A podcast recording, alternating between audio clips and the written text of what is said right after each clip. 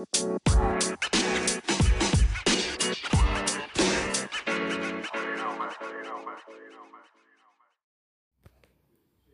guys, ya, jadi kita ketemu lagi ya.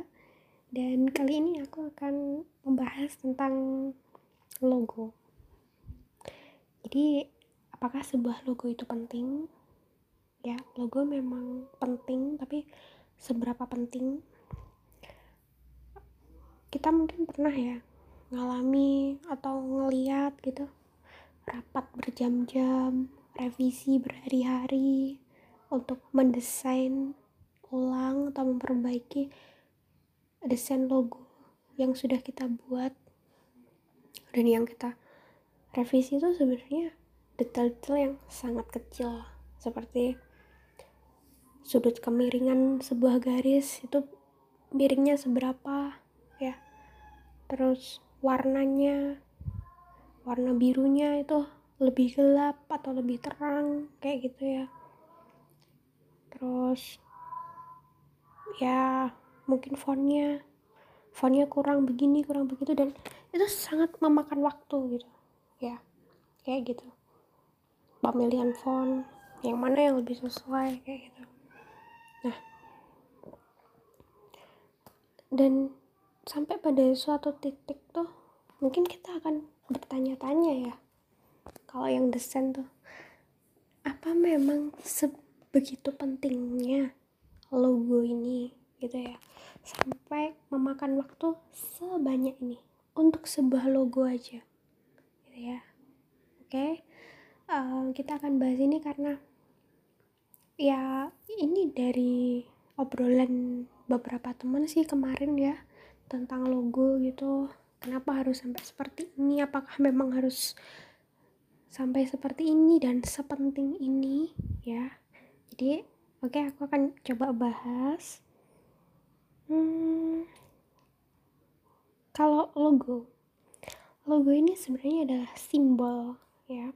Simbol untuk sebuah brand entah itu produk atau perusahaan ya. Jadi kalau untuk produk ya.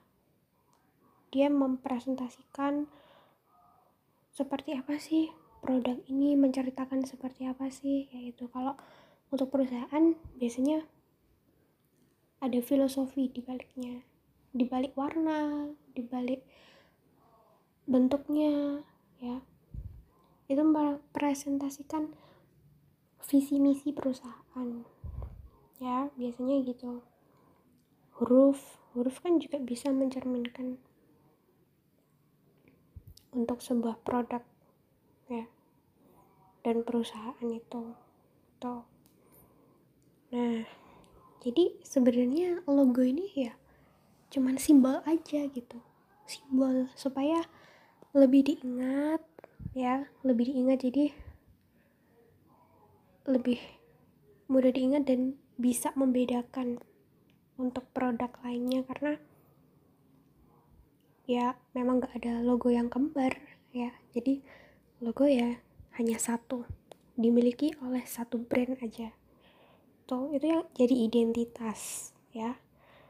Nah kalau ada yang berpikir logo itu harus benar-benar tepat karena akan mempengaruhi pemasaran produk ya um, itu sepertinya harus dikulik lagi ya. Gitu karena logo itu tidak berkaitan seperti itu dengan brand ya. Jadi logo adalah identitas dan yang menentukan kelangsungan produk itu sebenarnya adalah branding. Jadi logo dan branding berbeda ya. Gitu kalau logo itu hanya sebuah simbol yang dapat membantu customer ya bantu pasar untuk mengingat brand produk atau perusahaan tersebut ya gitu. Nah kalau brand itu ditentukan dari bagaimana branding produk tersebut kepada pasar ya. Apakah kualitasnya benar-benar bisa diterima pasar apakah pemasarannya juga diterima pasar dengan baik ya. Jadi itu yang akan menentukan kelangsungan branding suatu produk tersebut. Nah contohnya logo Nike ya. Jadi logo Nike itu kan logo yang sangat sederhana ya. Logo centang yang saking sederhananya tuh bisa digambar bahkan hanya dengan pensil. Ya. Sangat sederhana. Tapi apa yang membuat logo yang sangat sederhana ini begitu digandrungi? Oleh banyak orang sampai produknya harus di waiting list untuk mendapatkan produk tersebut. Ya. Apakah karena logonya tentu kalian semua bisa tahu karena produknya ya. Karena kualitas produknya karena brandingnya cara pemasarannya yang sangat amazing kalau menurutku. Jadi akhirnya ya diidolakan.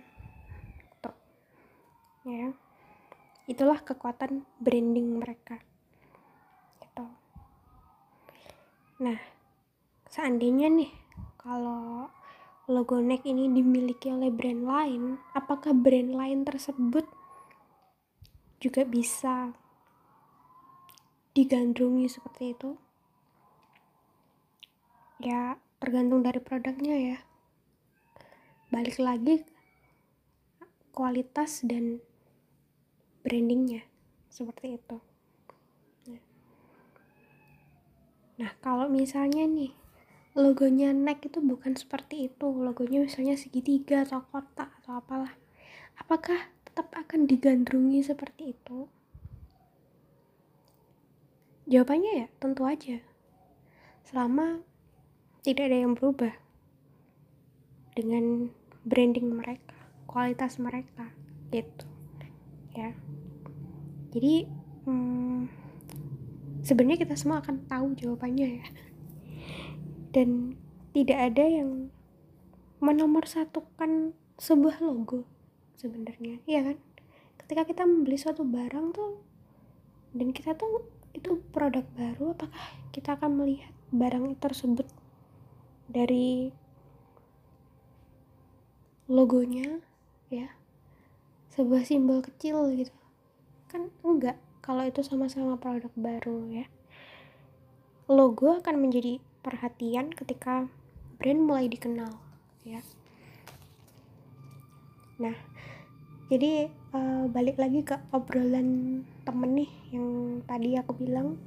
Nah seorang temen nih juga dia sempat cerita sih tentang berkompetisi dengan desainer lain gitu ya. Karena budget yang diinginkan pasar. Jadi pasar itu ingin sebuah logo yang dibuat dengan harga yang sangat terjangkau dan cepat.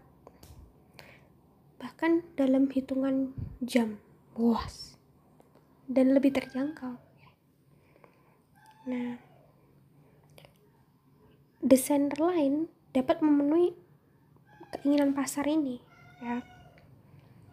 Dengan dibantu aplikasi sejenis Canva ya. Nah, sedang teman saya ini tidak dapat membuat logo dengan instan. Seperti itu ya.